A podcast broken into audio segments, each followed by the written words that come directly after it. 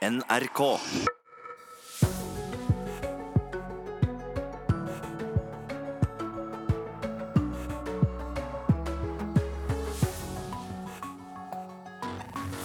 President Donald Trump beordrer Justisdepartementet til å innføre forbud mot utstyr som gjør våpen enda farligere.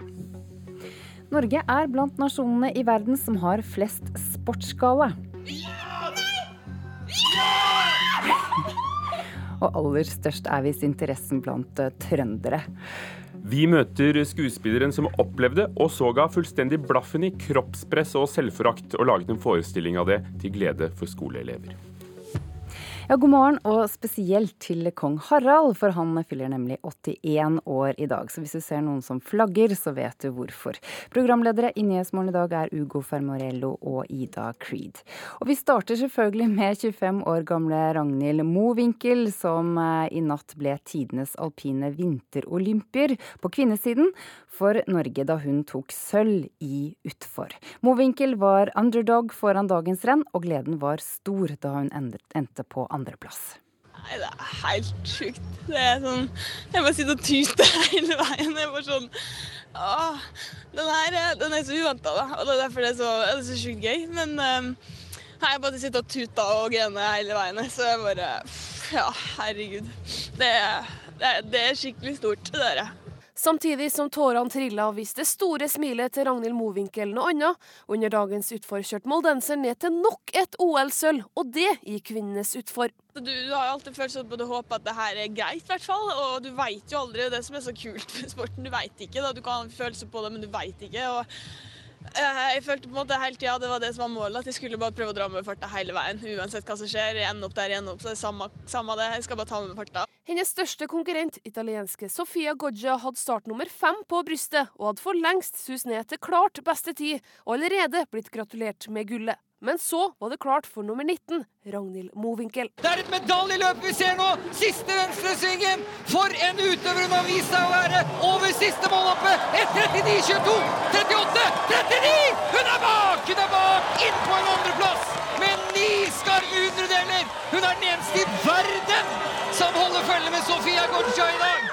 Og med den bragden står nå 25-åringen med to sølvmedaljer, og allerede blitt tidenes norske kvinnelige OL-alpinist. Så Hvor sykt er ikke det, da? Jeg tror ikke det er én person der hjemme som trodde det, og meg inkludert. Uh, nei, det, det, det, er helt, helt vilt. Det er liksom en uvirkelig følelse der du bare uh, Du Det er liksom du hadde ikke trodd det, da. Og du, liksom, du håper og du på en måte Jeg var så fornøyd da, bare etter den storslalåmen at det var liksom ikke sånn ja, jeg hadde liksom allerede klart det, da, ut ifra det jeg ville. Og det var å ta med OL-medalje, og nå står jeg med to. Og det er liksom Nei, det er, det er sjukt.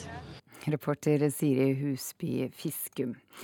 Ja, mange i Norge bruker mye tid foran TV-skjermene akkurat nå, under OL og andre store mesterskap. Og aller størst er interessen blant folk i Trøndelag. Vi har besøkt sportsentusiastene. Kom igjen! Yes! Kom igjen, kom igjen! kom igjen! Hvis han klarer til nå, så Se på dere!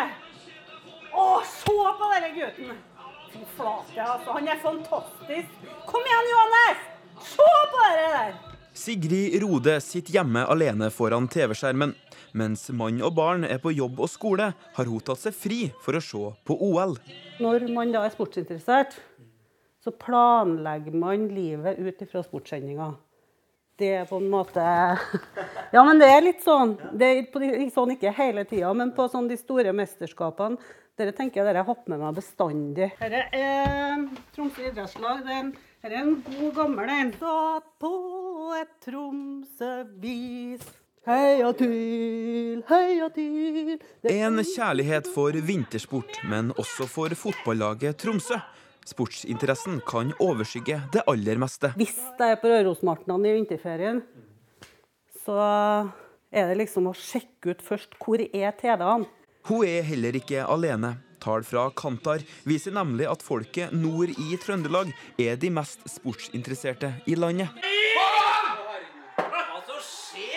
Som denne vennegjengen fra Levanger, der Ingar Arne Aa har et lidenskapelig forhold til Manchester United. Ja, jeg husker jo finalen 99, da.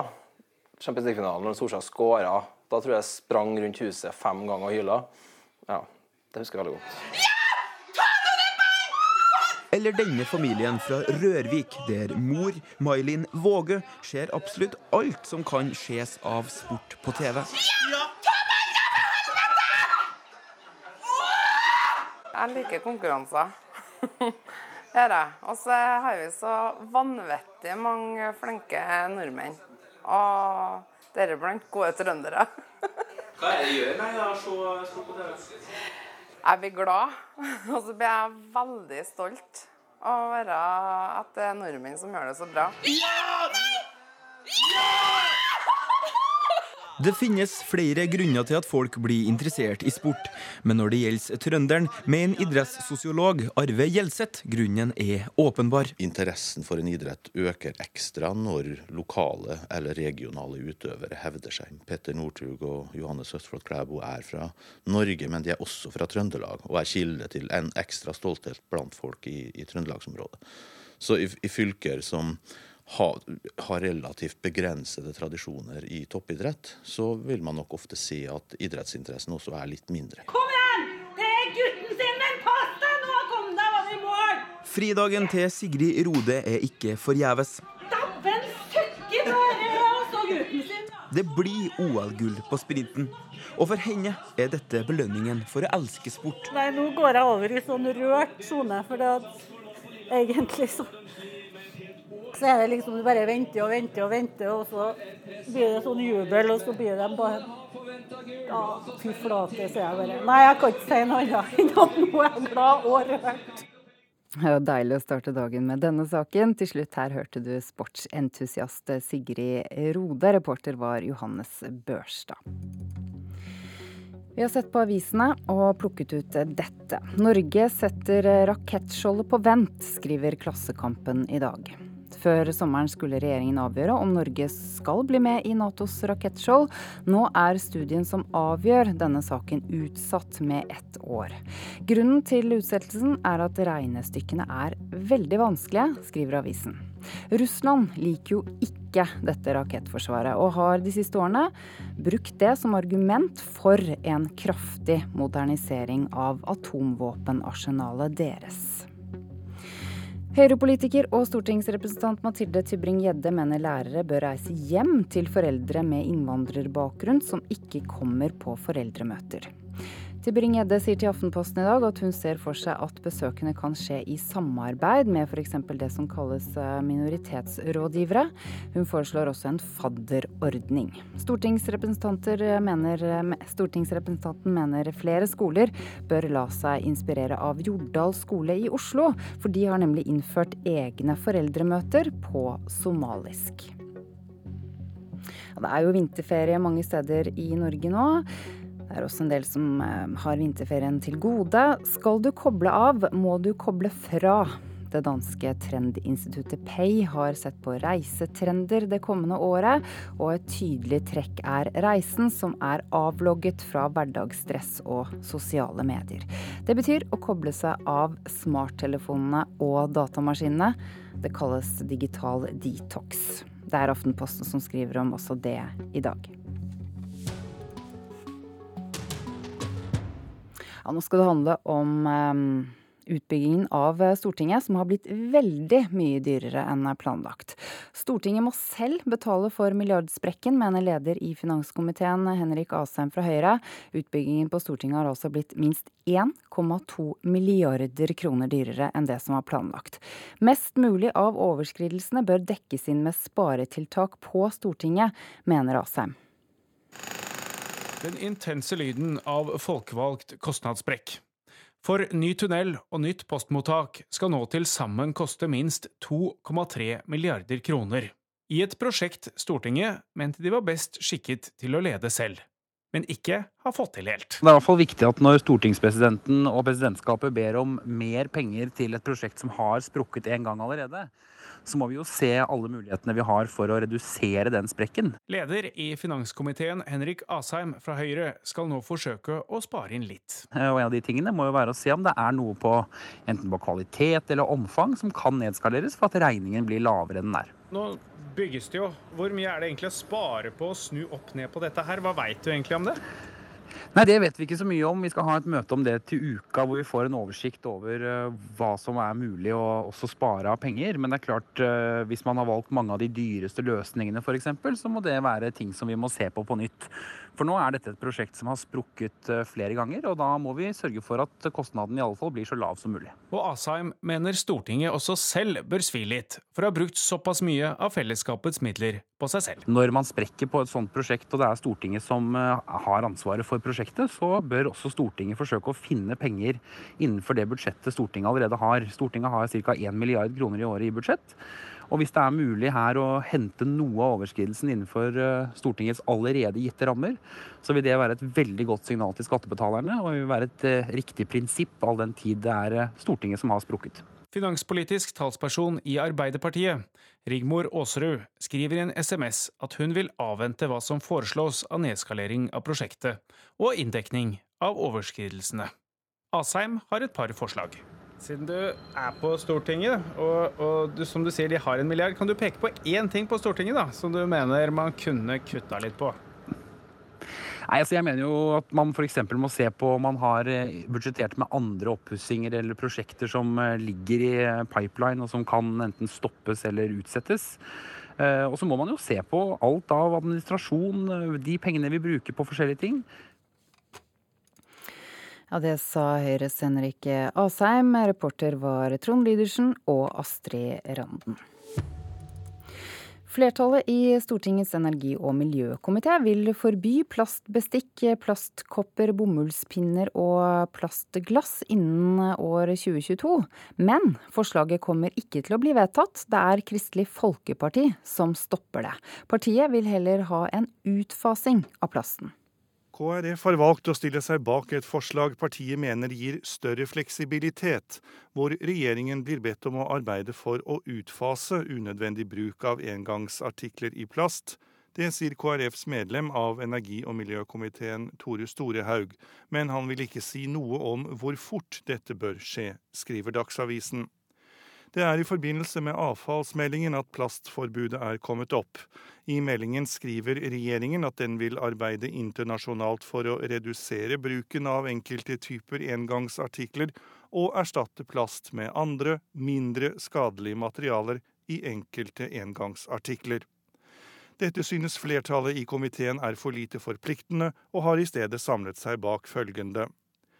Stortinget ber regjeringen om å innføre et mål om å fase ut og forby produksjon og bruk av enkelte engangsartikler i plast i Norge innen 2022. Leder i Naturvernforbundet, Silje Ask Lundberg, oppfordrer KrF på det sterkeste til å støtte flertallet i komiteen. Frankrike innførte forbud mot plastbestikk, engangskopper og tallerkener i plast, og de tynneste gjennomsiktige plastposene i fjor. Reporter her var Tor Albert Frøsland.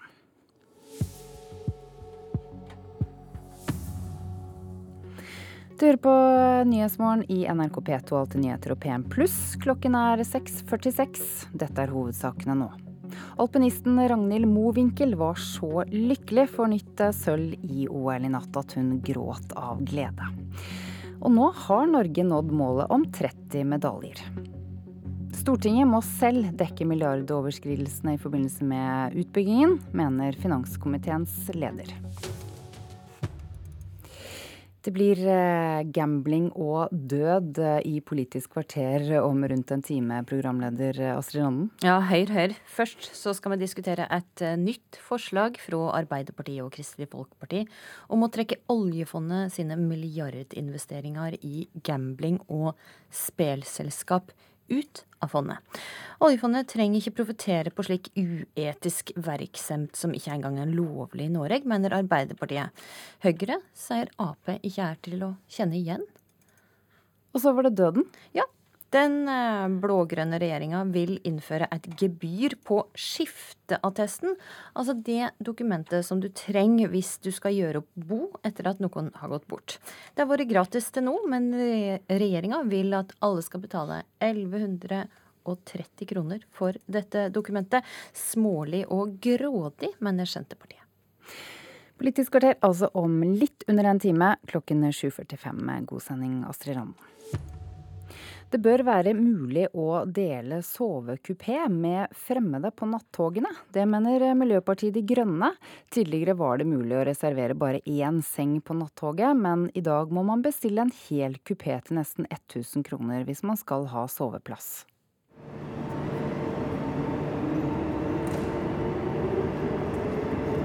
Spar tid, miljø og penger. Det er NSB sitt slagord når de reklamerer for bl.a. nattog.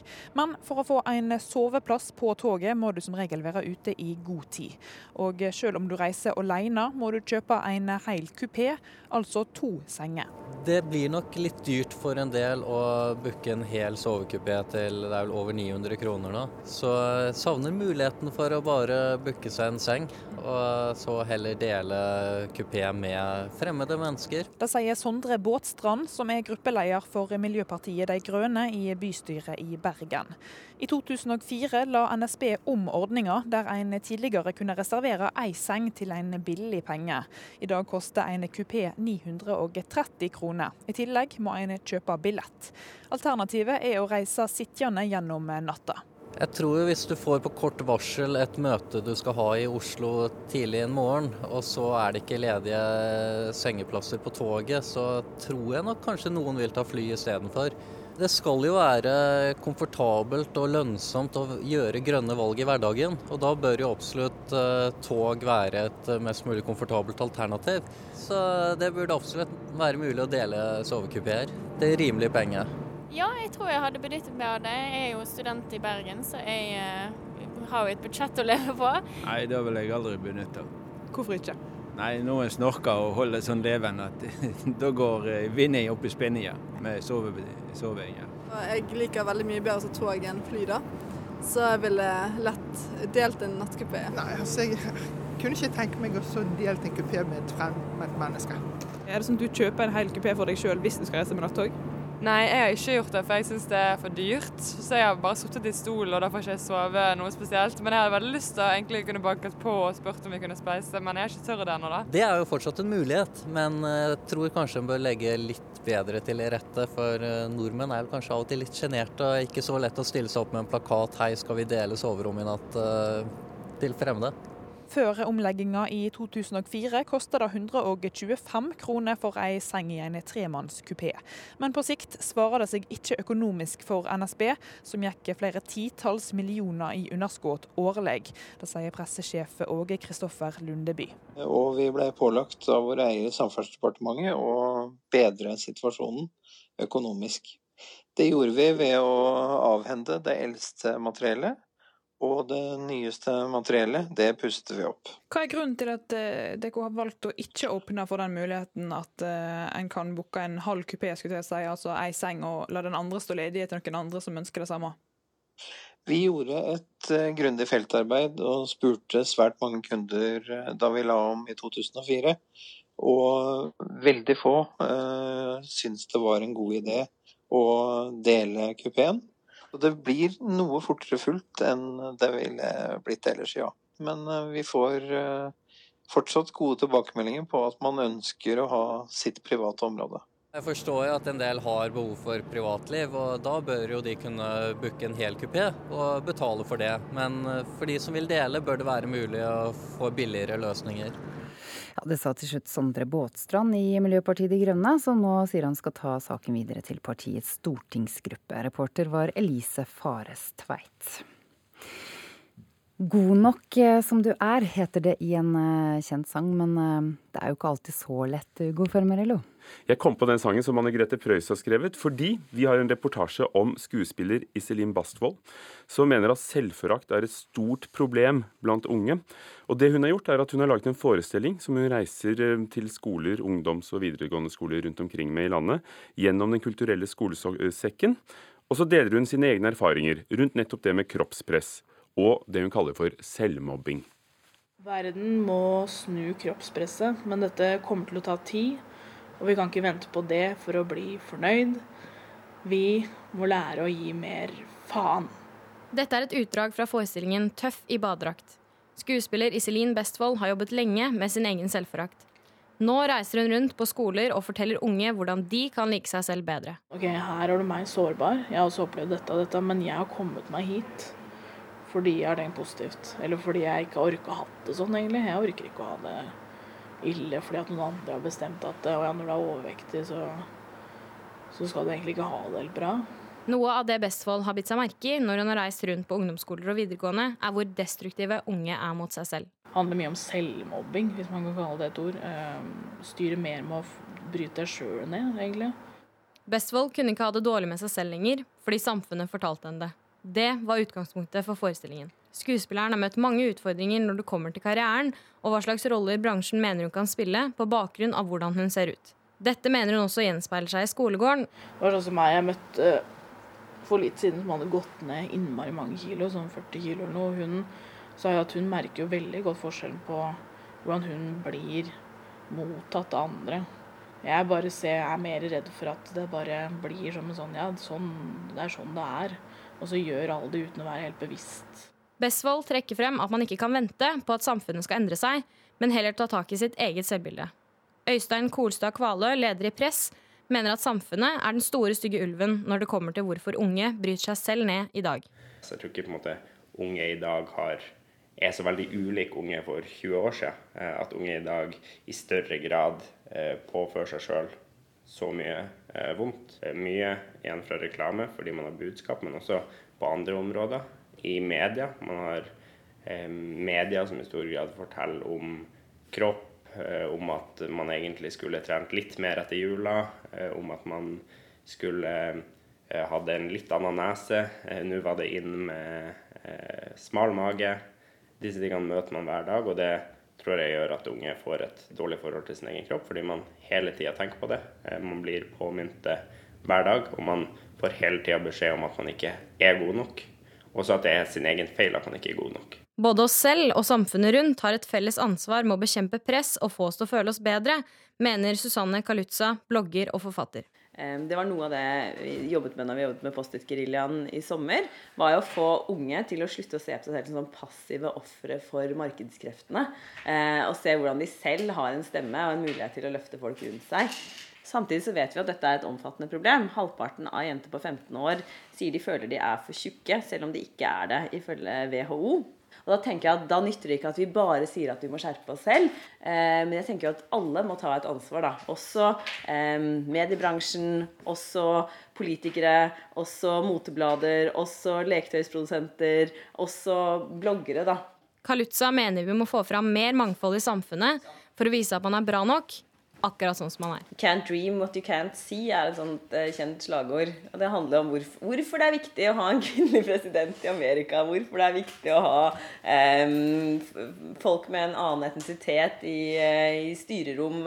Det er viktig å vise at ikke du bare er én mal som skal til for å være vellykka. Det er ikke sånn at du må være hvit, heteroseksuell uh, og størrelse 34 for å ha et godt liv. Sa Susanne Kaluza. Og reporter var Kaja Marie Andreassen.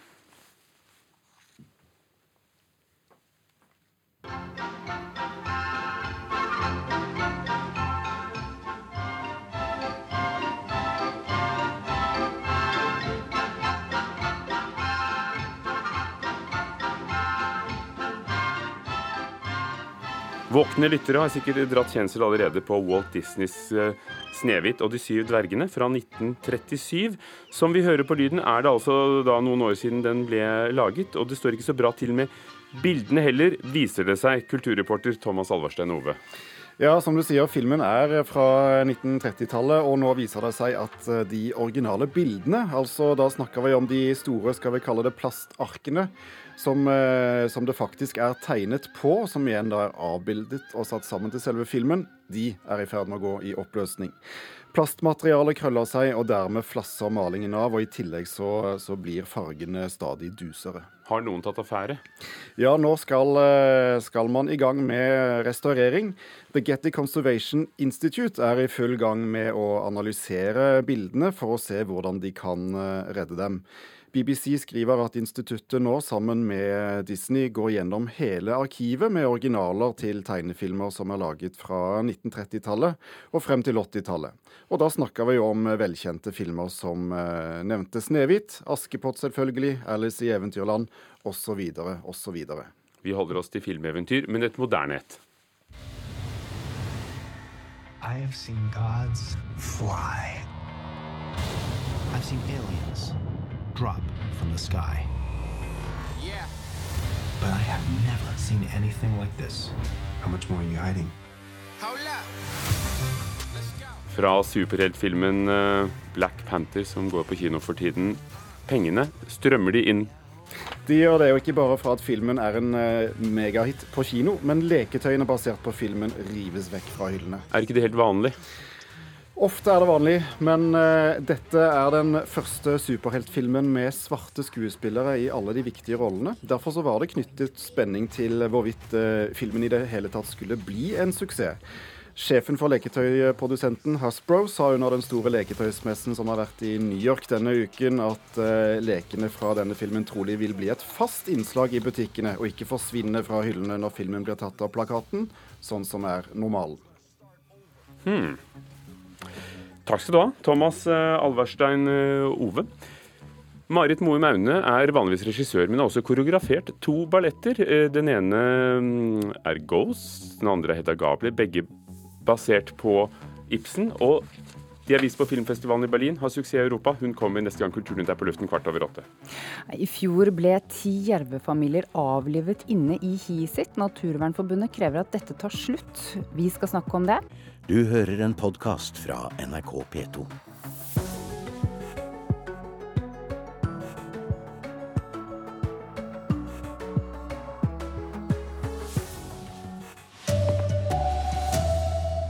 Skytingen av nyfødte jervevalper må stanses, krever Naturvernforbundet. Stortinget må selv dekke milliardoverskridelsene i forbindelse med utbyggingen, mener finanskomiteens leder. Her er NRK Dagsnytt klokka sju.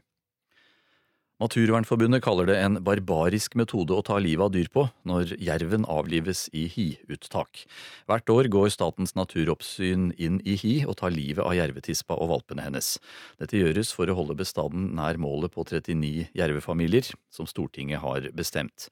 Fagleder i Naturvernforbundet Arnold Håpnes krever stans i hiuttak av jerv. Altså, det er jo få arter, om ingen, som vil drive og skyte nyfødte dyr i, i, norsk natur. Det er en etisk eh, fullstendig uakseptabel eh, måte å, be, å beskatte en bestand på. Her graves uh, nyfødte unger ut av hiet og drepes. Uh, først blir mora bedøvd eller skutt, og så blir ungene gravd ut. Og det er en barbarisk metode som brukes kun for å redusere uh, bestanden av en sterkt trua art i norsk natur. Om få minutter så er Statens naturoppsyn gjest i Nyhetsmorgen på NRK P2 og Alltid nyheter. Stortinget må selv betale for milliardsprekken, mener leder i finanskomiteen Henrik Asheim fra Høyre. Utbyggingen på Stortinget har blitt minst 1,2 milliarder kroner dyrere enn det som var planlagt. Mest mulig av overskridelsene bør dekkes inn med sparetiltak på Stortinget, mener han. Den intense lyden av folkevalgt kostnadssprekk. For ny tunnel og nytt postmottak skal nå til sammen koste minst 2,3 milliarder kroner. I et prosjekt Stortinget mente de var best skikket til å lede selv men ikke har fått til helt. Det er i hvert fall viktig at når stortingspresidenten og presidentskapet ber om mer penger til et prosjekt som har sprukket en gang allerede, så må vi jo se alle mulighetene vi har for å redusere den sprekken. Leder i finanskomiteen Henrik Asheim fra Høyre skal nå forsøke å spare inn litt. Eh, og En av de tingene må jo være å se om det er noe på enten på kvalitet eller omfang som kan nedskaleres for at regningen blir lavere enn den er. Reporter Trond Lydersen. Ragnhild Mowinckel kjørte inn til sølv i utfor for kvinner i OL i Pyeongchang eh, i natt. Det var Sofia Gorgia fra Italia som vant, og forhåndsfavoritt Lincy Vonn fra USA tok eh, bronse. Med nattens eh, sølvmedalje så har Norge nådd målet om 30 OL-medaljer. Men det er ikke sikkert at det stopper med det. Klokka ni i dag så er det klart for lagsprint i langrenn. Johannes Høsflot Klæbo og Martin Jonsrud Sundby går på herrelaget. På kvinnelaget er det Marit Bjørgen og Maiken Caspersen Falla som går for gull. Og du hører alt av eh, OL-konkurranser i radiokanalen NRK Sport. NRK Dagsnytt, Anders Borgen Werring.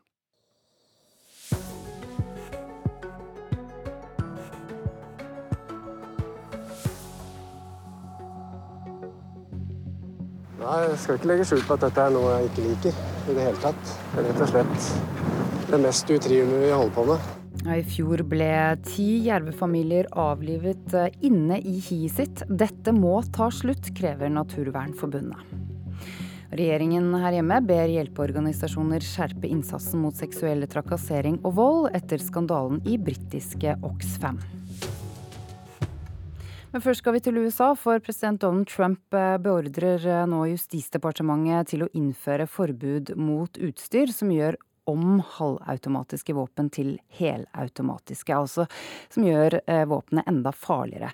Reguleringen skal gjøres klar i løpet av de kommende dagene, sa talskvinne for Det hvite hus Sarah Sanders i går ettermiddag. USA-korrespondent Tove Bjørgaas forteller hva dette innebærer. Ja, dette innebærer at presidenten altså ønsker å innføre eh, forbud av salg av en enkelt form for utstyr som kan gjøre om et halvautomatisk våpen til et maskingevær. Det var f.eks. det han som skjøt 58 mennesker i Las Vegas i fjor brukte. Og det gjør det mulig å skyte flere hundre skudd på bare noen få minutter. Eh, og er en, en mindre regulering av våpenlovene her. Så hva har egentlig Donald Trump sagt om denne beordringen? Han har sagt at han har bedt justisministeren sin om å lage en regel for dette, altså, som skal forby alt utstyr som kan gjøre om halvautomatiske våpen til maskingevær. Eh, så er det slik at eh, man må se litt hvordan dette blir seende ut. Presidenten har mulighet til å innføre eh, sånne forordninger som da vil utløpe når presidenten ikke lenger sitter der. Eh, det gjorde jo president Obama mange ganger, men det er det Trump nå ønsker å gjøre fordi Kongressen ikke har klart å gjøre noe med akkurat denne delen av våpenlovene. Kan dette stoppes, eller blir det helt sikkert noe av da? Det kan stoppes eh, sannsynligvis av, av, søksmål i domstolene. Eh, men det er viktig å peke på at dette også er den, den måte, minste eh, mulige endringen man kunne tenke seg i våpenlovene. Dette er et tiltak til og med våpenlobbyen har sagt at de støtter til en viss grad. Så det er ikke et veldig kontroversielt tiltak. Rundt 100 elever fra den videregående skolen der skytingen sist skjedde, skal i dag møte delstatspolitikere i Florida. Der har jo politikerne allerede vist at de ikke er klare for store endringer i våpenlovene?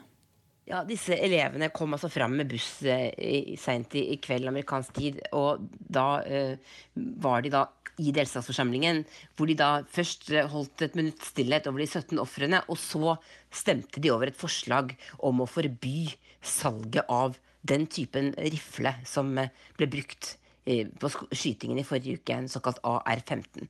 Og det forslaget falt med stort flertall. Det var altså slik at Politikerne i Florida ikke vil forby dette. For, eh, elevene er jo selvfølgelig svært svært skuffet over dette, men de skal i dag møte eh, mange lokalpolitikere og guvernøren sin, og så skal noen av dem faktisk også møte president Trump senere eh, i dag. Eh, og for å diskutere alle mulige tiltak, inkludert også hva man skal gjøre for å bedre sikkerheten på skoler i forhold til psykisk eh, helse.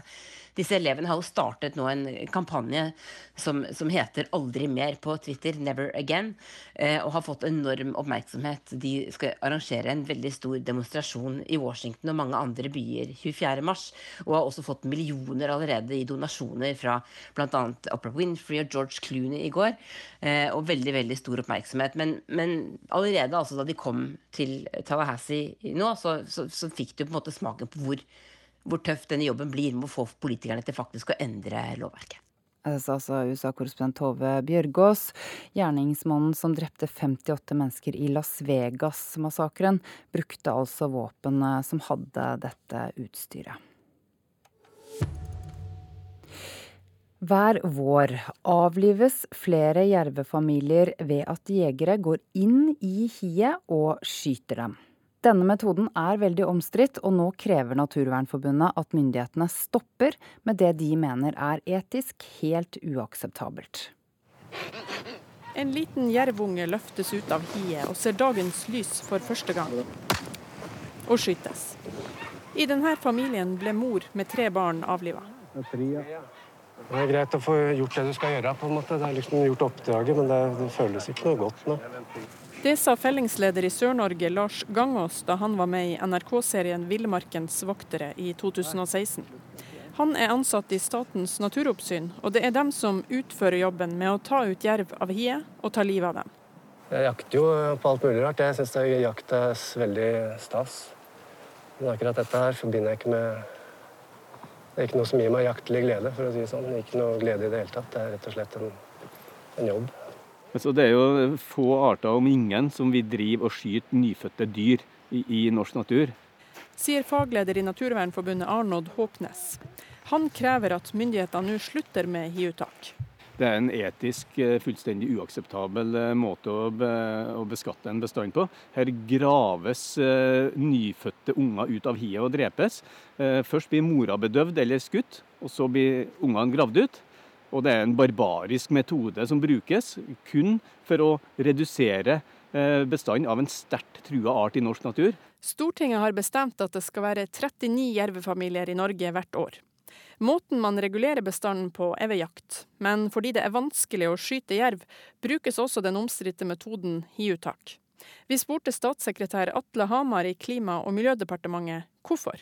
Hiuttak har vært den måten å regulere jervbestanden på som gjør at du kommer i tråd med det som er bestandsmålet, og har den gjennomsnittlige bestanden som Stortinget ønsker vi skal ha over tid. I utgangspunktet er alle dyr freda i den perioden de får barn men det er altså gjort unntak for jerven. Det hører med til historien at jerven er det rovdyret som tar mest sau i Norge, og det er bare gaupa som tar mer rein enn jerven.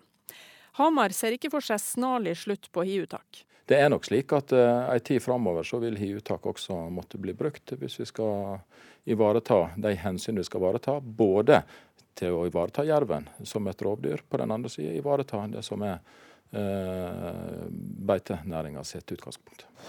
Det lukter da jerv, i hvert fall. Så det er da begynner rett og slett bare å grave her. Da NRK første gang sendte serien 'Villmarkens voktere' i 2016, kom det sterke reaksjoner. Da skrev daværende statssekretær Lars Andreas Lunde at hiuttak på sikt bare skal brukes unntaksvis. Jaktsesongen for årets jervejakt ble avslutta nå 15.2, og nå er det tida for hiuttak. Også i år må Lars Gangås ut på jobb for å finne jervehi. Så det som er at Vi får ikke lov å avlive tispa før, uh, før vi har kontroll på ungene. Ungene skal tas først. For Hvis tispa plutselig kommer ut og vi skyter hun, da, så, og vi ikke får tak i ungene, så er ikke det noe særlig. Så Vi har jo visse etiske retningslinjer selv, selv for den jobben her, kan du si.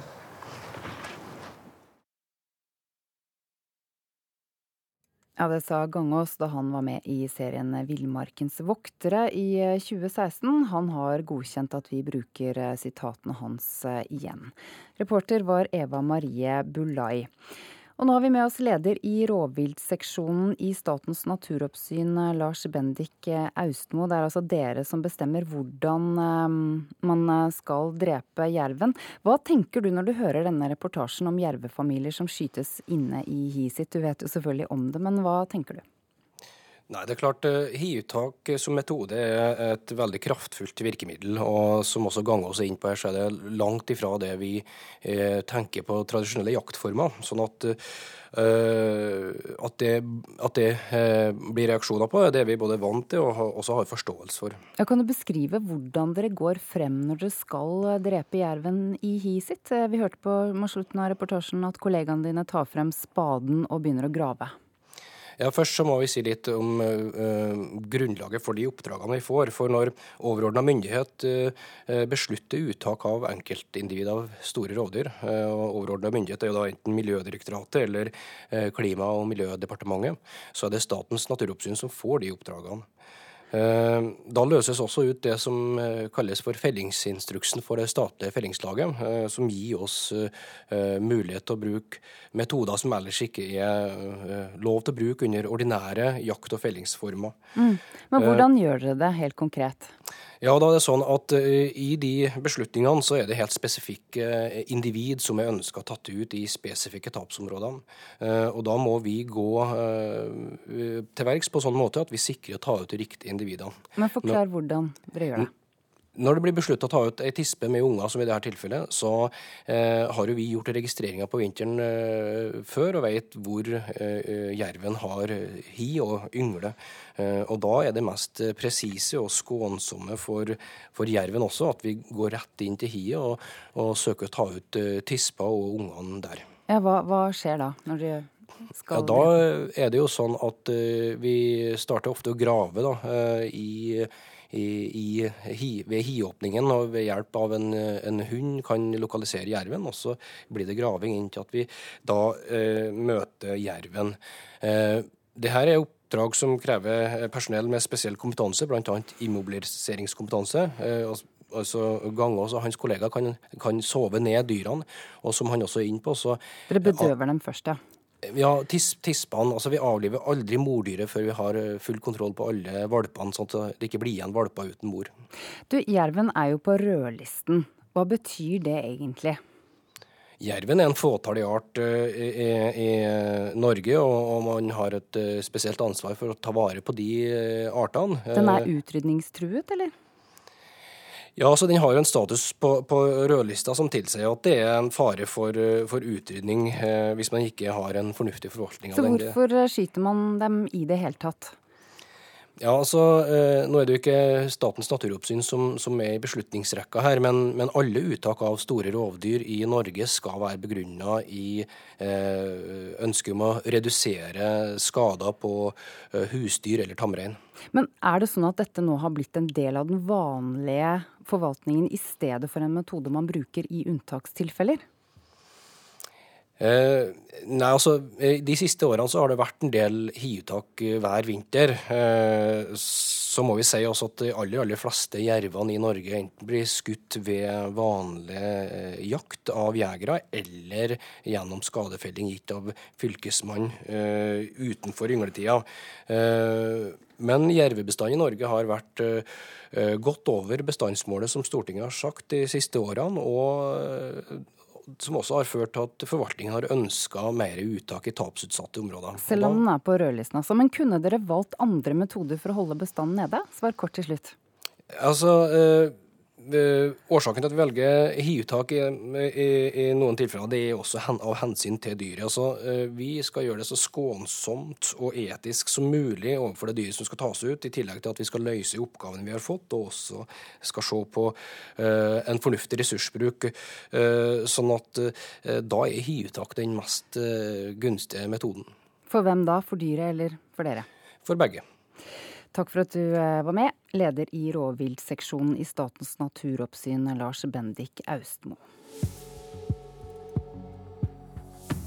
Ja, det er Nyhetsmorgen du lytter til. Klokken er blitt 7.15. Eh, Dette er hovedsakene nå. Som du akkurat hørte, skytingen av nyfødte jerveunger inne i hiet må stanses nå, krever Naturvernforbundet. Stortinget må selv dekke milliardoverskridelsene i forbindelse med utbyggingen, sier finanskomiteens leder. Ragnhild Mowinckel tok sin andre sølvmedalje i OL i natt.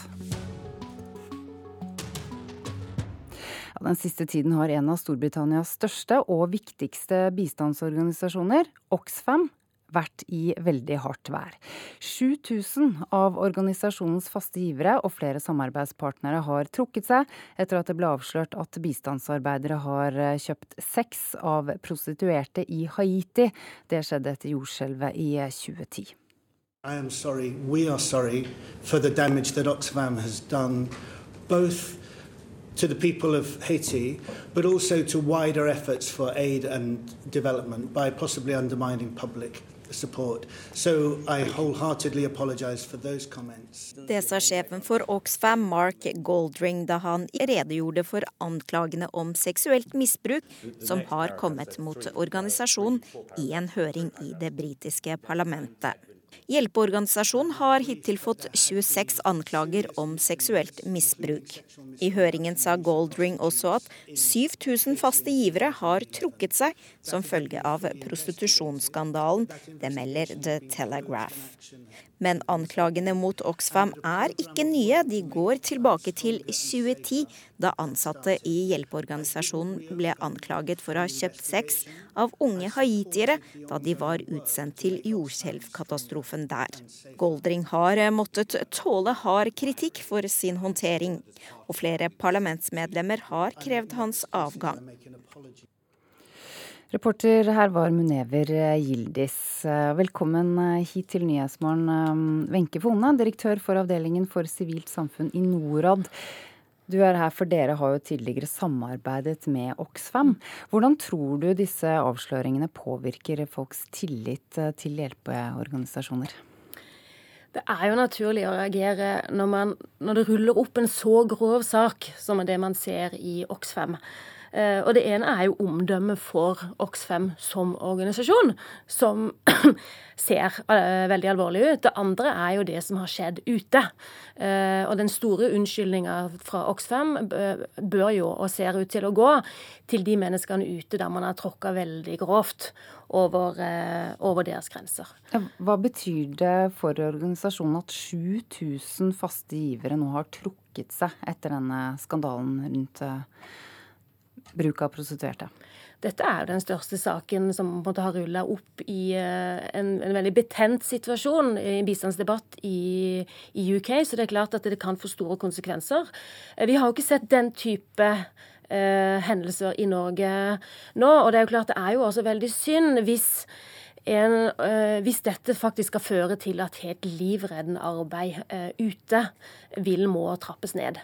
Så vi håper jo det unngås. Men det er klart, som giver så skjønner jeg jo den vanvittige ikke bare frustrasjonen, men aggresjonen som man kan oppleve. Man føler kanskje at man har svikta. Samtidig så må man ikke komme i en situasjon at det er de som varsler og gir beskjed om både seksuell trakassering og korrupsjon, er de som blir straffa mest. For da unngår vi jo akkurat motsatt av den åpenhetskulturen som i hvert fall i Norge vi er veldig opptatt av å bygge opp. Ja, du sier elefanten i rommet i denne saken er kvinnesynet. Hva mener du med det? Ja, Det kan godt hende det er flere elefanter i rommet. Men det å være en profesjonell bistandsarbeider ute nå krever jo en enorm bevissthet om egen rolle. Og du er i en situasjon med en annen kultur, en annen historie og ofte et helt annet kvinnesyn. Så mye av det vi har sett, eh, har, jo, har, jo, dessverre vært misbruk eh, av den tilliten eh, man har. Og det er klart at det å svikte de man er satt til å hjelpe, det er veldig alvorlig. Kurser dere deres ansatte i dette? Altså, Vi har jo et ansvar som Norad som arbeidsgivere, og der kan vi helt sikkert bli bedre også. Men det er også viktig å si at uh, organisasjonene har selv et arbeidsgiveransvar for sine ansatte og det som skjer ute. Og det ser ut til at, i hvert fall det vi har sett på de norske organisasjonene, at de har mer enn nok av retningslinjer, uh, policies og procedures. Men det er klart at det å jobbe på håndteringa og oppfølginga av disse, der kan sikkert alle bli bedre. Og det som har kommet opp nå i Oxfam, har jo da også ført til at de norske organisasjonene virkelig har intensivert dette arbeidet uh, for å unngå noe lignende. Hvordan syns du at Oxfam har eh, håndtert denne skandalen? Det, det, er i hvert fall en sak som viser at håndteringa av saken kanskje nesten like alvorlig for Oxfam som selve saken der ute. For menneskene det gjelder der ute, så er jo selve saken selvfølgelig mest alvorlig. Nei, de har jo ikke imponert i håndteringa av dette, og det å skjule skjule informasjon, det, det, det, må jo ikke skje. Og det, det har de jo også beklaga. Så de har nok en hel del å gå på når det gjelder håndteringa.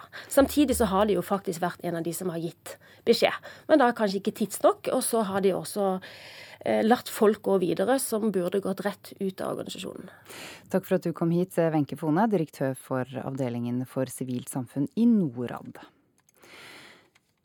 Og nå er det sånn at eh, regjeringen ber hjelpeorganisasjonene skjerpe arbeidet sitt mot seksuell trakassering og vold.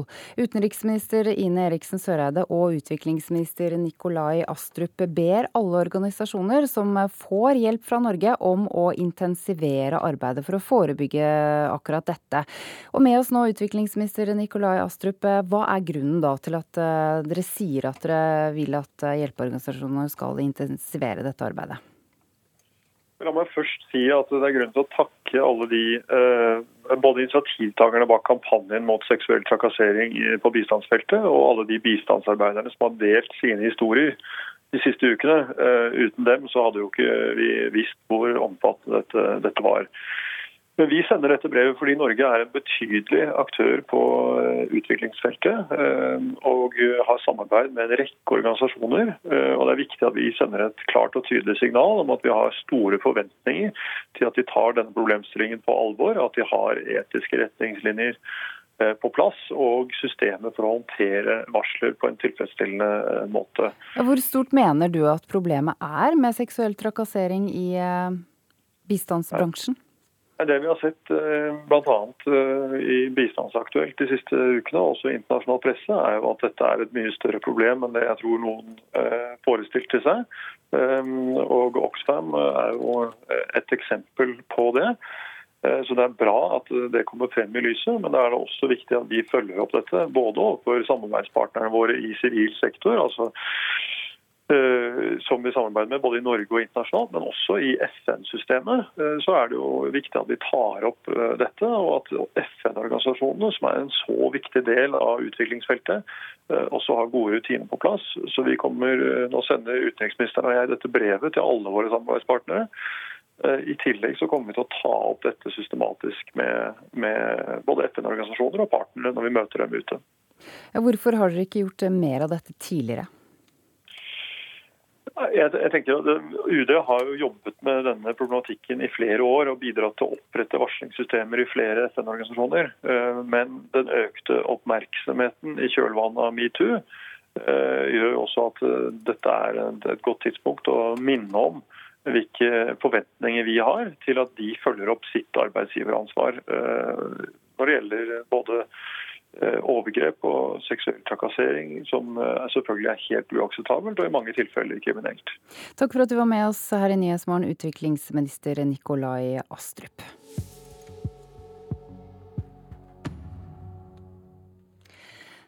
Sport nå, og det skal handle om at eh, Ragnhild Mowinckel eh, tok sin andre sølvmedalje i OL i natt. Alpinreporter Tommy Barstein, du er i eh, Sør-Korea. Hvordan var det å se Mowinckel sikre nok et sølv? Det er jo helt fantastisk å være norsk i Sør-Korea om dagen, og spesielt når du dekker alpint. For det har vært en fest fra start til og med i dag.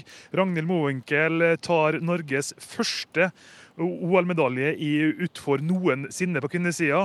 Og det sier litt på, for um, norske alpinkvinner har jo slitt, har slitt med resultater.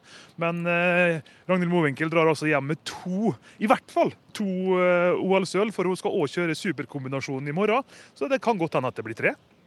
Men er det sånn at det var overraskende at hun tok enda et sølv i utfor i natt? Ja, det var det. Det var overraskende for de aller aller fleste. For eh, Ragnhild har aldri vært på pallen i eh, utfor. Hun har tatt store steg eh, denne sesongen. Hun slo gjennom i, junior-VM i 2012, men siden det så har det vært litt uh, motbakke, for å si det sånn. Men eh, skrittene hun har tatt i år, har medført uh, flere pallplasser. OL-sølv i storslalåmen her om dagen, og i dag kulminerte det med utfor eh, sølv. Og utfor er jo sett på som alpinsportens eller skisportens Formel 1-øvelse. og Det henger veldig høyt, og kanskje noen uh, også vil si at det henger høyest å ta en OL-medalje i utfor. Så Hva betyr dette for norsk alpinsport? Alpinsjef Klaus Ryste gikk ut med et hårete mål før mesterskapet begynte, og, og, sa at de hadde en målsetning om seks medaljer. Det ville i så fall bety tidenes mesterskap for norsk alpint. Og i dag, med Ragnhild Mowinckel sølv, så innfridde de den målsetninga med seks medaljer. Nå har de òg eh, to muligheter til, eller tre muligheter til. De har superkombinasjon for kvinner i morgen og slalåm for herrer. Og så avsluttes eh, alpinøvelsene med lagkonkurranse på lørdag. Så den, den, rekorden kan forbedres, og det sier egentlig alt. Ja, akkurat nå så får Ragnhild Mowinckel medaljen sin eh, i Sør-Korea. Kan jeg bare spørre um hva er det vi egentlig kan vente av henne da i morgendagens eh, kombinasjon, Tommy Barstein? Det, altså, det, vi, vi, skrur jo forventningene eh, opp i takt med det hun har levert så langt. Men eh, hun, hun, tok en sjetteplass i superkombinasjonen i Sotsji for fire år siden.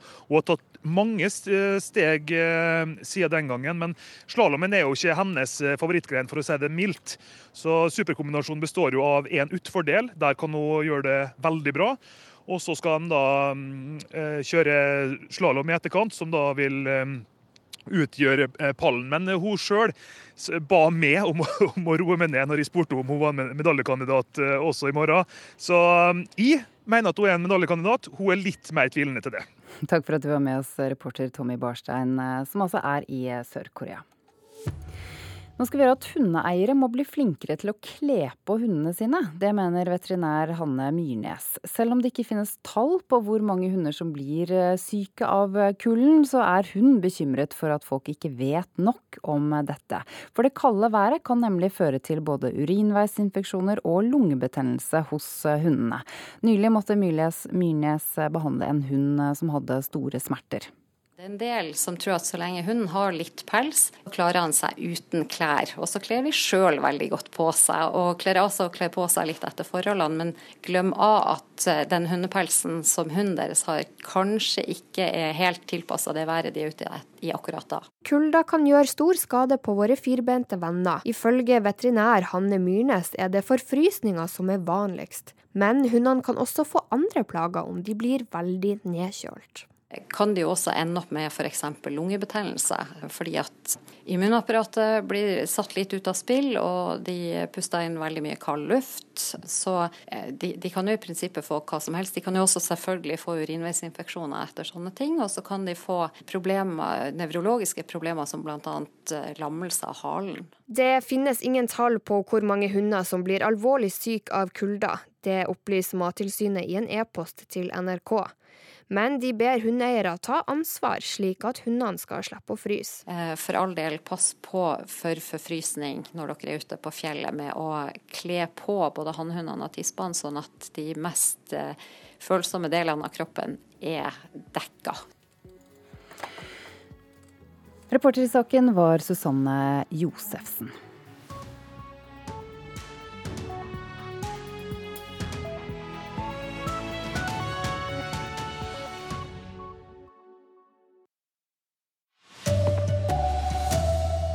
Sånn Jeg bare sitter og tuter hele veien. Jeg bare sånn åh.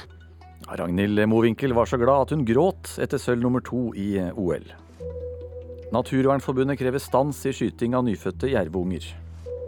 KrF stopper norsk forbud mot plastbestikk. God morgen, her er NRK Dagsnytt. Klokka er 7.30. Ragnhild Mowinckel tok altså sitt andre OL-sølv i natt. 25-åringen er nå tidenes alpine vinterolympier på kvinnesiden for Norge. Nei, det er helt sjukt. Det er sånn Jeg bare sitter og tuter hele veien. Jeg bare sånn Åh, den her den er så uventa, da. Og det er derfor det er så, det er så sjukt gøy. Men um, det er skikkelig stort, det der. Samtidig som tårene trilla, viste det store smilet til Ragnhild Mowinckel noe annet. Under dagens utfor kjørte moldenser ned til nok et OL-sølv, og det i kvinnenes utfor. Du, du, har alltid følt sånn på du håper at det her er greit, i hvert fall. Og du veit jo aldri det som er så kult med sporten. Hennes største konkurrent, italienske Sofia Goggia, hadde startnummer fem på brystet, og hadde for lengst sus ned til klart beste tid, og allerede blitt gratulert med gullet. Men så var det klart for nummer 19, Ragnhild Mowinckel. Det er et medaljeløp vi ser nå! Siste venstresvingen! For en utøver hun har vist seg å være! Over siste målhoppet! 1.39,22! 38! 39! Hun er bak! Hun er bak! Inn på en andreplass! Med ni skarve hundredeler! Og med den bragden står nå 25-åringen med to sølvmedaljer, og allerede blitt tidenes norske kvinnelige OL-alpinist. Så Hvor sykt er ikke det, da? Jeg tror ikke det er én person der hjemme som trodde det, og meg inkludert. Uh, det er liksom en uvirkelig følelse der du bare Jeg var så fornøyd da, bare etter den storslalåmen. Jeg hadde liksom allerede klart det da, ut ifra det jeg ville, og det var å ta med OL-medalje, og nå står jeg med to. Det er, det er sjukt.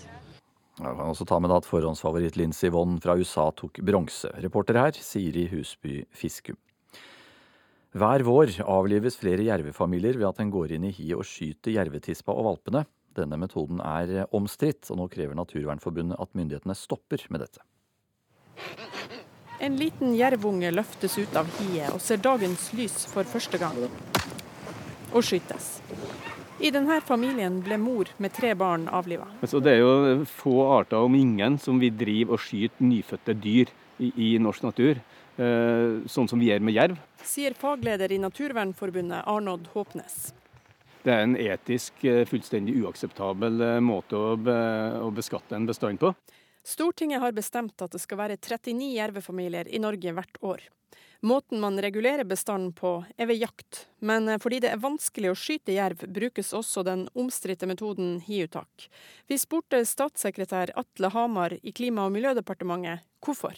Hiuttak har vært den måten å regulere jervbestanden på som gjør at du kommer i tråd med det som er bestandsmålet, og har den gjennomsnittlige bestanden som Stortinget ønsker vi skal ha over tid. Det hører med til historien at jerven er det rovdyret som tar mest sau i Norge, og det er bare gaupa som tar mer rein enn jerven. I NRK-serien 'Villmarkens voktere' fra 2016 kunne vi følge dem som gjør hiuttak. Jeg gjør klar eh, pistol hvis du plutselig kommer på leie da, med unger og mor på én plass. For fellingsleder i Sør-Norge, Lars Gangås, er dette en del av jobben. Nei, Jeg skal ikke legge skjul på at dette er noe jeg ikke liker i det hele tatt. Det er eh, rett og slett det mest utrivende vi holder på med. Reporter Eva Marie Bulai, og du kan se hvordan jerven blir skutt på nettsidene våre nrk.no. President Donald Trump beordrer Justisdepartementet i USA til å innføre forbud mot utstyr som gjør om halvautomatiske våpen til helautomatiske. Det er samme type utstyr som gjerningsmannen bak Las Vegas-massakren brukte, sier USA-korrespondent Tove Bjørgaas. Han har sagt at han ønsker å forby alt utstyr som kan gjøre om et halvautomatisk våpen til et maskingevær. Eh, under den store massakren i Las Vegas i fjor så brukte han som skjøt eh, slikt utstyr, og kunne da altså skyte flere hundre mennesker på bare noen minutter. Han drepte 58. Og Trump han ønsker nå å gjøre dette utstyret forbudt, noe amerikanske politikere ikke har klart å, få til så langt. Og så er det sånn at Rundt 100 elever fra den videregående skolen der eh, skytingen skjedde i dag, skal møte delstatspolitikere i Florida. Hva er det som kommer til å skje der?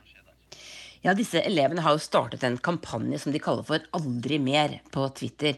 Eh, og den har fått enorm oppmerksomhet her i USA de siste dagene.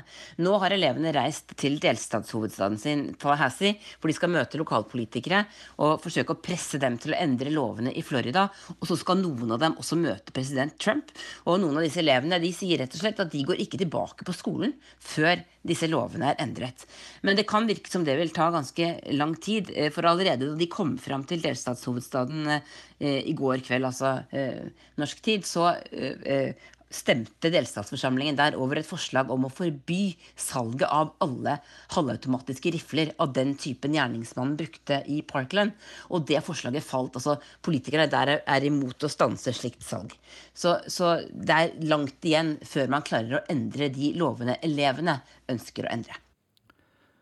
Stortinget her hjemme må selv betale for milliardsprekken, mener leder i finanskomiteen Henrik Asheim fra Høyre. Utbyggingen på Stortinget har blitt minst 1,2 milliarder kroner dyrere enn planlagt. Mest mulig av overskridelsene bør dekkes inn med sparetiltak på Stortinget, mener Asheim. Den intense lyden av folkevalgt kostnadssprekk.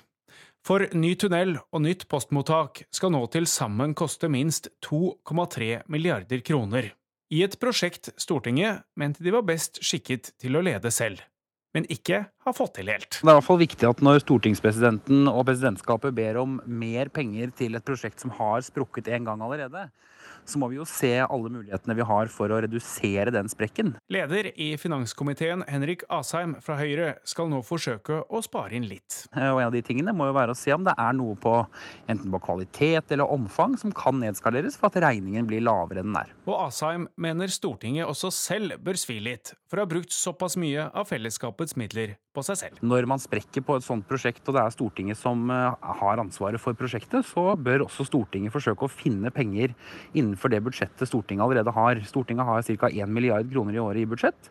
Og hvis det er mulig her å hente noe av overskridelsen innenfor eh, Stortingets allerede gitte rammer, så vil det være et veldig godt signal til skattebetalerne, og vil være et eh, riktig prinsipp all den tid det er Stortinget som har sprukket. Finanspolitisk talsperson i Arbeiderpartiet, Rigmor Aasrud, skriver i en SMS at hun vil avvente hva som foreslås av nedskalering av prosjektet og inndekning av overskridelsene. Reportere Trond Lydersen og Astrid Randen. Flertallet i Stortingets energi- og miljøkomité vil forby plastbestikk, plastkopper, bomullspinner og plastglass innen 2022. Men forslaget kommer likevel ikke til å bli vedtatt, så det er Kristelig Folkeparti som stopper det. Partiet vil heller ha en utfasing. KrF har valgt å stille seg bak et forslag partiet mener gir større fleksibilitet. Det sier KrFs medlem av energi- og miljøkomiteen, Tore Storehaug, til Dagsavisen. Det betyr at regjeringen vil arbeide internasjonalt for å redusere bruken av enkelte typer engangsartikler, og også erstatte plasten med mindre skadelige materialer. Frankrike innførte forbud mot plastbestikk, engangskopper og tallerkener i plast, og den tynneste gjennomsiktige plastposen i fjor. Sa reporter Tor Albert Frøsland. Mange i Norge bruker mye tid foran TV-skjermen under OL og andre store mesterskap. Aller størst er interessen blant folk nord i Trøndelag. Kom igjen! Yes! Kom igjen, kom igjen! kom igjen! Hvis han klarer det til å springe nå, så Se på dere! Å, se på dere gutten! Fy flate, altså. Han er fantastisk. Kom igjen, Johannes! Sigrid Rode sitter hjemme alene foran TV-skjermen. Mens mann og barn er på jobb og skole, har hun tatt seg fri for å se på OL. Når man da er sportsinteressert, så planlegger man livet ut ifra sportssendinga. Det er på en måte Ja, men det er litt sånn. Det er sånn ikke hele tida, men på sånn de store mesterskapene dere tenker jeg dere hopper med meg bestandig. Sportsinteressen kan overskygge det aller meste. Hvis jeg er på Rørosmartnan i vinterferien, så er det liksom å sjekke ut først hvor er TV-ene. Hun er heller ikke alene. Tall fra Kantar viser nemlig at folket nord i Trøndelag er de mest sportsinteresserte i landet. Det finnes flere grunner til at folk blir interessert i sport, men når det gjelder trønderen, mener idrettssosiolog Arve Gjelseth grunnen er åpenbar. Interessen for en idrett øker ekstra når lokale eller regionale utøvere hevder seg. Petter Northug og Johannes Østfold Klæbo er fra Norge, men de er også fra Trøndelag, og er kilde til en ekstra stolthet blant folk i, i trøndelagsområdet. Kom igjen! Det er gutten sin, men pass deg nå! Kom deg, var i mål! Reporter Johannes Børstad i Sport skal ha mer i vente allerede klokka ni i dag. Da er det lagsprint, langrenn og nye medaljesjanser. Dette her kan du høre på kanalen NRK Sport. Silje Sande har ansvaret for NRK Dagsnytt i dag. Jeg heter Anders Borgen Werring.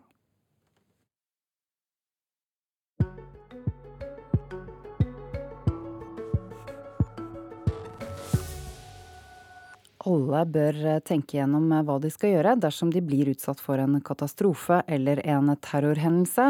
Det mener Regionalt ressurssenter om vold og traumatisk stress, som også kalles RVTS. Flere og flere velger å filme terrorhendelser og katastrofer i stedet for å løpe bort fra stedet. Nok en terrorhendelse og noen filmer. Om de er i sikkerhet, vet ingen, og det vet de kanskje ikke selv heller. RVTS ser med bekymring på at alvorlige hendelser og katastrofer blir festet til film i stedet for å følge de internasjonale rådene når noe oppstår. Og det er at en skal komme seg unna. Eh, hvis det ikke er mulig, så skal en gjemme seg. Eh, og en skal eh, kontakte politiet eller de nødetatene som er relevante for å fortelle om hva som skjer, slik at en kan få hjelp. Run, hide, tell, sier en i Storbritannia f.eks. Det sier Belinda Ekornås, som er psykologspesialist og spesialrådgiver ved det nasjonale ressurssenteret for vold og traumatisk stress, RVTS. Hun har lagt merke til at stadig flere filmer hendelsene i stedet for å flykte. Nei, det jeg tenker er jo at folk eh, mest sannsynlig ikke helt forstår eh, alvoret i situasjonen de er oppe i. Eh, og hvis en da i tillegg står med en mobil og filmer, så får en jo enda større avstand til det som skjer, situasjonen en er oppe i. Og da kan det være at en går inn i en litt sånn modus, at en tenker at eh, dette skjer ikke på ordentlig. Eh, og da gjør jo han ikke de tingene som en bør gjøre, som er å komme seg fort unna. I ei lita sentrumsgate i Drammen rusler folk sakte forbi. Svært få av de vi snakker med, har tenkt på hva de vil gjøre hvis de blir utsatt for en katastrofe eller terror. Nei, du må jo prøve å komme deg vekk, da. Prøver du å filme? Nei, det vil ikke Jeg vil ikke tenkt tanken. Men uh, hadde du kommet til å filme, tror du? Nei, det hadde jeg nok ikke. Det tror jeg ikke hadde vært førsteinstinkt, iallfall. Men det er mange som gjør det? Ja, det er jo det. For du bør faktisk ha tenkt igjennom hva du skal gjøre hvis du skulle bli utsatt for en alvorlig hendelse som f.eks. terror, mener RVTS. Ja, Vi vet jo at eh, folk som kommer i sånne hendelser som har tenkt gjennom hva som er lurt å gjøre, de har eh, større overlevelse, rett og slett. Fordi at de gjør de riktige tinga. Men det jeg tror folk eh, kan gjøre, det er liksom å tenke hva er det lurt å gjøre i en sånn situasjon? Hva skal jeg gjøre hvis det plutselig eh, dukker opp noen med et våpen? Det har jeg ikke tenkt over. Nei. Det er litt sånn eh, Det skjer ikke meg. Det tror jeg ikke går an heller. Å sette seg inn i hvordan man skal takle det.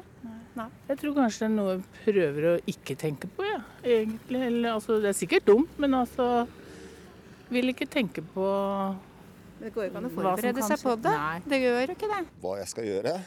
Nei, du vet, det har jeg ikke planlagt. Ass. Det, så, så langt tenker jeg ikke, helt ærlig. Tar dag for dag. Men hvis du har holdninga at eh, det kommer aldri til å skje meg, så det er ikke noe jeg trenger å tenke på, så hindrer jo det at du eh, tenker litt sånn hva er fornuftig å gjøre i en sånn situasjon. Og så vil også sjokkreaksjonen bli sterkere, for du er så uforberedt på å komme i en sånn situasjon. Vet du hva de internasjonale rådene er for uh, den type ting? Nei. Nei. Du skal løpe først. Ja. Løpe, gjemme deg og varsle. Ja. Da vil jeg nok handle mer på instinkt enn ting jeg klarer å planlegge i forkant. Reporter Karoline Bekkelund Hauge. Dette er de viktigste sakene i Nyhetsmorgen i dag. Ragnhild Mowinckel var så glad at hun gråt etter sølv nummer to i OL i natt. Naturvernforbundet krever stans i skyting av nyfødte jerveunger inne i hiet. KrF stopper norsk forbud mot plastbestikk. Og følg med videre i sendingen, så får du høre at politiet stanset øvelseskjøring på E18. Sjåføren var 13 år gammel. Nå er Astrid Randen klar med Politisk kvarter.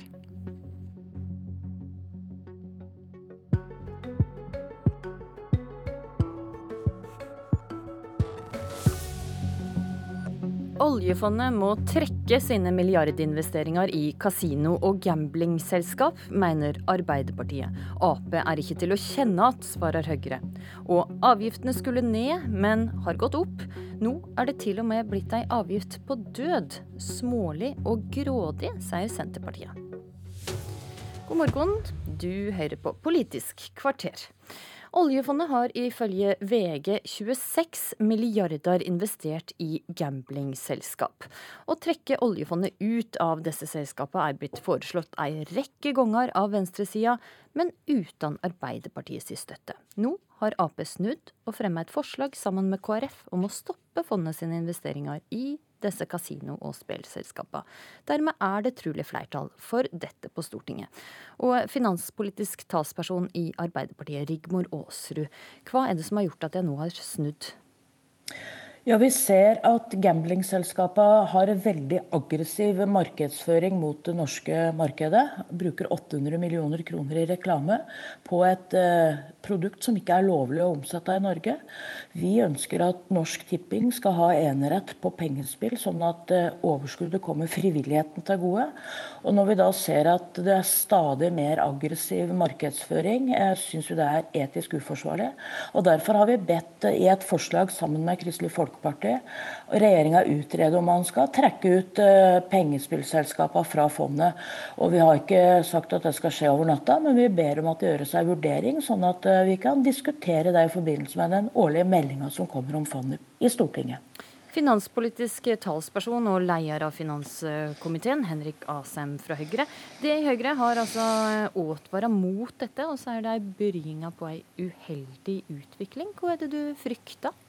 Ja, Det er både måten Arbeiderpartiet gjør dette på, og hva som kan bli konsekvensen av det. Altså Det som Arbeiderpartiet gjør her, er å gjennom det som kalles for et Dokument 8-forslag, altså et representantforslag i familie- og kulturkomiteen, foreslår at man skal vurdere å trekke seg ut av et, et selskap, eller altså en sektor, nemlig spillselskapene. 26 milliarder kroner. Det er jo ikke sånn at man har gjort det gjennom grundige utredninger, eller noe sånt. Man bare foreslår det over bordet inne i Stortinget. De ber jo om ei utgreiing av det. Ja, men hvis vi begynner å holde på på denne måten, så kan du se for deg hvordan, hvor lang tid tar det før helsekomiteen sier at vi må ut av alkohol. Der tror jeg vi har noe sånn som 90 milliarder kroner. Hva skjer hvis utenrikskomiteen finner ut at vi burde selge statsobligasjoner i Russland? Uh, og sånn kan vi holde på. Hele poenget er at den arven vi overtar Rigmor Aasrud etter generasjonen før oss av politikere, har vært skapt noe veldig klokt, nemlig et pensjonsfond som investerer for å få mest mulig gevinst og spre investeringene mest mulig. Når du hele tiden nå kommer med nye forslag på ting vi skal trekke oss ut av, så blir det færre ting å sette pengene i. Dermed øker risikoen, og vi risikerer å tape store beløp. Så hvis politikerne skal holde på å styre et fond på denne måten, så blir det svært, svært uansvarlig. Ja, Rigmor Aasrud, er dette uansvarlig? For det første så skjønner jeg at uh, Asheim er bekymra. Man har jo brukt 100 milliarder fra det oljefondet som skulle gå til framtidige generasjoner gjennom de siste fire åra. Så ber jeg Asheim faktisk lese det forslaget som vi har fremma. Vi ber altså om at regjeringa skal gjøre ei utredning. Vi har ikke noe forslag om at dette skal skje over natta. Vi har sagt vi skal vurdere det i forbindelse med den årlige forvaltningsmeldinga. Det er helt ordinær måte som stortingspolitikere kan ha meninger om hvordan fondet investerer i. Så er jeg helt enig i at vi ikke skal gå inn å mene noe om enkeltaksjer. Det skal selvsagt fondet sjøl kunne, kunne, gjøre vurderinger på. Men at vi politikere kan ha en mening om hvordan fondet skal investere, mener jeg er riktig. Men det er ganske mange selskap Åsrud, som markedsfører på en måte som ikke er så bra, som er det, det som du sjøl brukte som grunngivning for at det er snudd. Hvor blir neste ting ja, ja, ja. det skal gå ut av? Kommer da alkohol, som altså mente, kommer sukker, det er skadelig for folkehelsa. Flyselskap ja, det Hvor blir det neste det vil trekke ut ja, av fondet? Men det, det, er ikke veldig mange av de eksemplene du trekker fram nå som er produkter som er ulovlige i Norge. Det er de bettingselskapene som uh, vi her snakker om. De driver, et, uh, driver, en virksomhet som ikke er lovlig i Norge, men de har en veldig aggressiv markedsføring. Det mener jeg er ganske stor forskjell. Det er et uh, etisk problem, mener jeg, at man slipper til det. Og nå okay, Asheim, hvorfor er det riktig at oljefondet, at vi skal bli rike på Betson og andre selskaper som ikke har lov til å drive fra Norge, og som jo også eh, Vi bruker masse penger på å bekjempe spillavhengighet. Ja da, eh, vi bruker ganske mye penger på å bekjempe alkoholavhengighet òg. Eh, og det er ikke sånn at det er lov å selge alkohol overalt i Norge. Vi har et statlig monopol på salg av alkohol, og akkurat som vi har et statlig monopol på spill.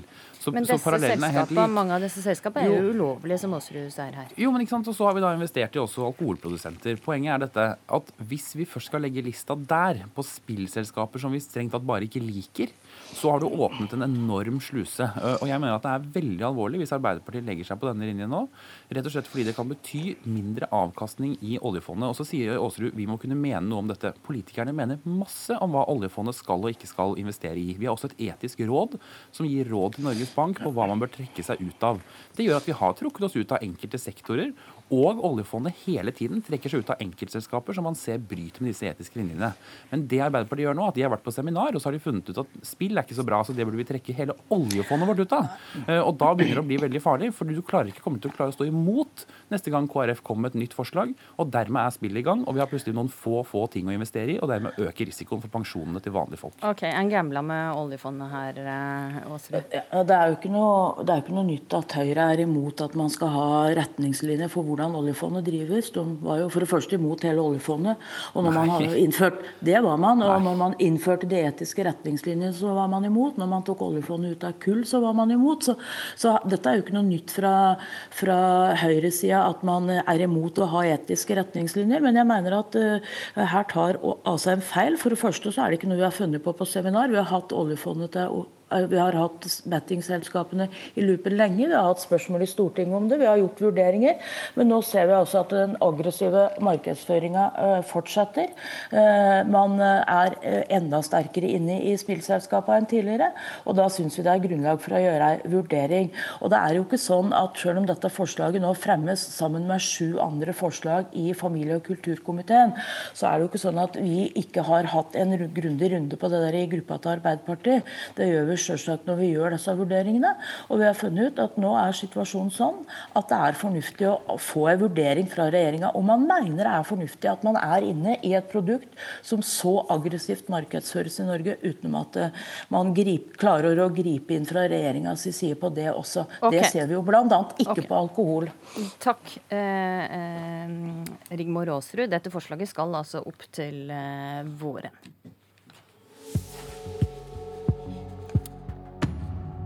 Den eh, blå-blå regjeringa lova å redusere avgiftene da de fikk makta i 2013. Men avgiftene de har bare gått én vei, nemlig opp. Nå må du til og med betale gebyr når du dør, altså gebyret på skifteattesten, som er det dokumentet du trenger for å gjøre opp eh, avdødes bo. Det er, eh, dette er både smålig og grådig, sier du, Geir Pollestad, leder i næringskomiteen for Senterpartiet. Hvorfor skal ikke staten kunne ta betalt for det det faktisk koster å lage dette dokumentet? Dette er noe som i alle år har vært gratis. Eh, Når en eh, mister f.eks. ektefellen sin, så skal en fortsette å bo i huset sitt og bruke tingene. Da trenger en denne attesten. Og jeg må si det er både grådig og smålig eh, at nå regjeringa skal komme og kreve 1130 kroner for å utstede en sånn attest. Og dette føyer seg inn i et mønster der noen få får store skattelettelser, mens de mange, altså folk flest, opplever økte avgifter, økte gebyr. Og det er sosialt feil, fordi at vi mener i Senterpartiet at vi skal ha et skattesystem der vi skatter etter evne, mens avgifter er like for alle, enten du er rik eller fattig. Men eh, er det da skattebetalerne som skal betale for det det faktisk koster å lage denne skifteattesten? Da er det noe mer rettferdig? Ja, for da betaler vi etter evne. De som tjener mest, betaler mest. De som har minst, betaler minst. Mens et gebyr det vil være likt for alle. Og Det er derfor vi mener at det avgiftskjøret som denne regjeringa har lagt seg på, er så sosialt urettferdig. Fordi at eh, det rammer de som har minst, mens de som har mest, så betyr dette ikke så mye. Ok. Henrik Asheim, eh, du er fremdeles leder i finanskomiteen, og fremdeles eh, med oss. Hvorfor kan ikke denne, dette dokumentet fremdeles være gratis for folk som har mista en av sine kjære? Jeg syns dette illustrerer det spillet og den populismen som preger Senterpartiet nå. Fordi nå mener man altså at man lager masse styr om en selvkostavgift på 1100 kroner på ø, arv. Men dette er jo den samme partiet som satt i regjering i åtte år og forvaltet en arveavgift, som betød at du kunne betale opp mot 15% i skatt på hele arven. Og jeg tror veldig på at politikk det er viktig for folk, fordi det har noe å si hvilken, eh, altså blir resultatet for deg som person. Og da kan du jo legge det opp for folk, da. Vil du ha 1100 kroner i et fast gebyr, som er det det koster å overføre arven, eller vil du betale 15% i skatt på hele arven? Og jeg tror, for å være helt ærlig, når du skal bruke den typen pompøs, liksom smålige og folk som har mistet sine kjære osv., jeg er helt enig, det er alltid trist når noen dør, og det er alltid kjipt når man skal arve, for det betyr at noen er død. Men det er spørsmålet, skal du betale 1100 kroner, eller skal du betale 15% av arven i skatt? Men din regjering, eh, Henrik Asheim, det kaller jo arveavgifta for en skatt på død. Hva vil du kalle dette gebyret da?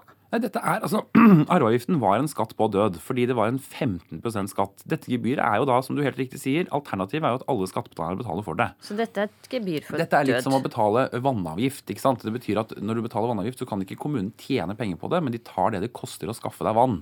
Dette her er et gebyr som betaler for det det koster å trans overføre arven. Okay, men hele men så jo avgiften Pollestad- på arv er borte. Og, Og det så er jo. Pollestad sitt poeng her da at dette er faktisk usosialt.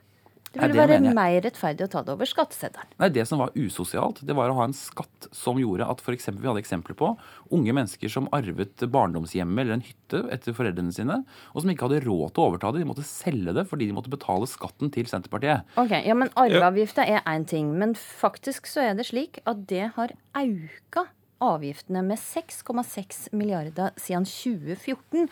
Og eh, det var vel ikke helt meninga da det gikk inn i regjering, eh, Asheim? Jo, det vi har sagt er at vi skal redusere det samlede skatte- og avgiftstrykket. Og det er redusert med over 24 milliarder kroner. Altså mennesker og bedrifter i Norge betaler 24 milliarder mindre i skatt nå enn de gjorde da Senterpartiet styrte. Så da er det greit at avgiftene går opp og skatten går ned. Altså, Det var det det mente med det å redusere det samla skatte- og avgiftstrykket. Ja, altså Innenfor det så betyr det f.eks. at en helt vanlig familie eh, med vanlig gjennomsnittsinntekt i Norge har fått over 10 000 kroner i året i lavere skatt. Men så har vi jo økt noen avgifter, f.eks. på å forurense.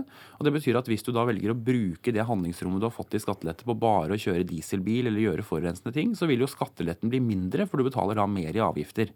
Men okay, det er jo en helt nødvendig måte å gjøre det på. I Jeløya-plattformen så står det at det skal senke skatte- og avgiftsnivået. Betyr det at denne utviklingen vil fortsette? Avgiftene opp, skattene ned? Nei, altså det vi sier er at det samlede trykket på bedrifter og familier skal ned. Nei, i Men- Jeløya-plattformen så står det at det skal senke skatte- og avgiftsnivået. Ja, men- Gjelder det bare skatt og ikke avgift? Nei, altså det vi sier er at innenfor det at hele nivået skal ned, så vil noen skatter gå opp og noen gå ned. Du kan se hva vi gjør på bilavgifter f.eks.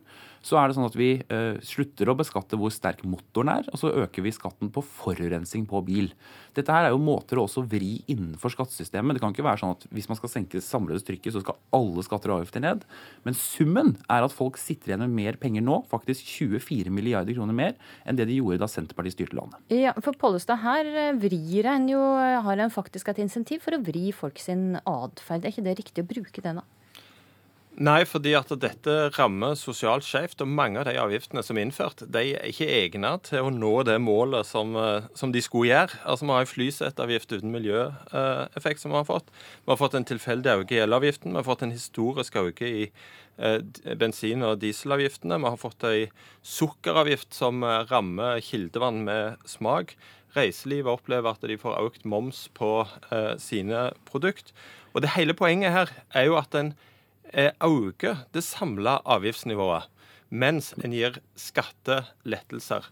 Problemet med dette er jo at de som har minst, eh, bruker stort sett eh, eh, Avgiftene er jo like, enten du er rik eller fattig. Og vi ønsker i Senterpartiet å ha en sosial profil på dette. Og Derfor er vi så kritiske til det kjøret som eh, regjeringa nå har lagt seg på. Og det blir så typisk når Høyre argumenterer med at dette dødsgebyret Ja, det er greit fordi at arveavgiften er vekke. Ja, Senterpartiet òg har fjerna arveavgiften Nei. i sine alternative budsjett. Ja, selvfølgelig. Så det Men da dere det- hadde ansvaret, ta- Pollestad, Jo, men du må og dere laget ansvar. statsbudsjettene, så, Så salderte dere budsjettene samla hvert år med arveavgift. avgiftsnivået lavere La, enn det er i la. Asheim få svare nå, Pollestad. Dette, dette resonnementet ditt hadde holdt vann hvis du var et lite populistisk parti til høyre for regjeringen. Men du er fra et parti som både har altså saldert budsjettene med arveavgift hvert år når du hadde ansvaret, og som hvert år foreslår å øke det samlede skatte- og avgiftstrykket på folk. Sånn at du kan jo ikke sitte her nå og være provosert over at vi senker, ikke senker skattene nok, når du hvert år foreslår å ikke bare reversere lettelsene våre, men øke skatten oppå det.